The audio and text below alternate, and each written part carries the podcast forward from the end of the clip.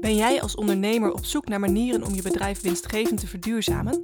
In deze podcast bespreken we praktische tips en inzichten om winstgevend duurzame maatregelen te nemen. Als je vervolgens je CNC-machine weer moet opstarten en je hele productie weer moet gaan oplijnen, ja, dat is, dat is waardeloos. Ja.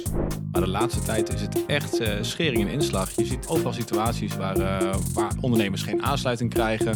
Stel, je koopt het in voor 20 en je kan het een paar uur later weer verkopen voor 40, dan, dan pak je dus 20 cent. We willen kleiner, compacter, lichter gewicht, meer vermogen, dat we naar lithiumbatterijen gaan.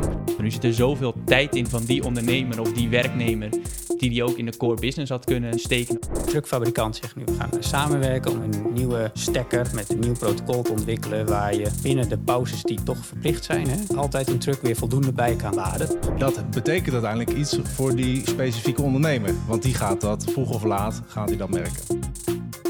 Luister mee en ontdek hoe je regie pakt op je zakelijke energiehuishouding.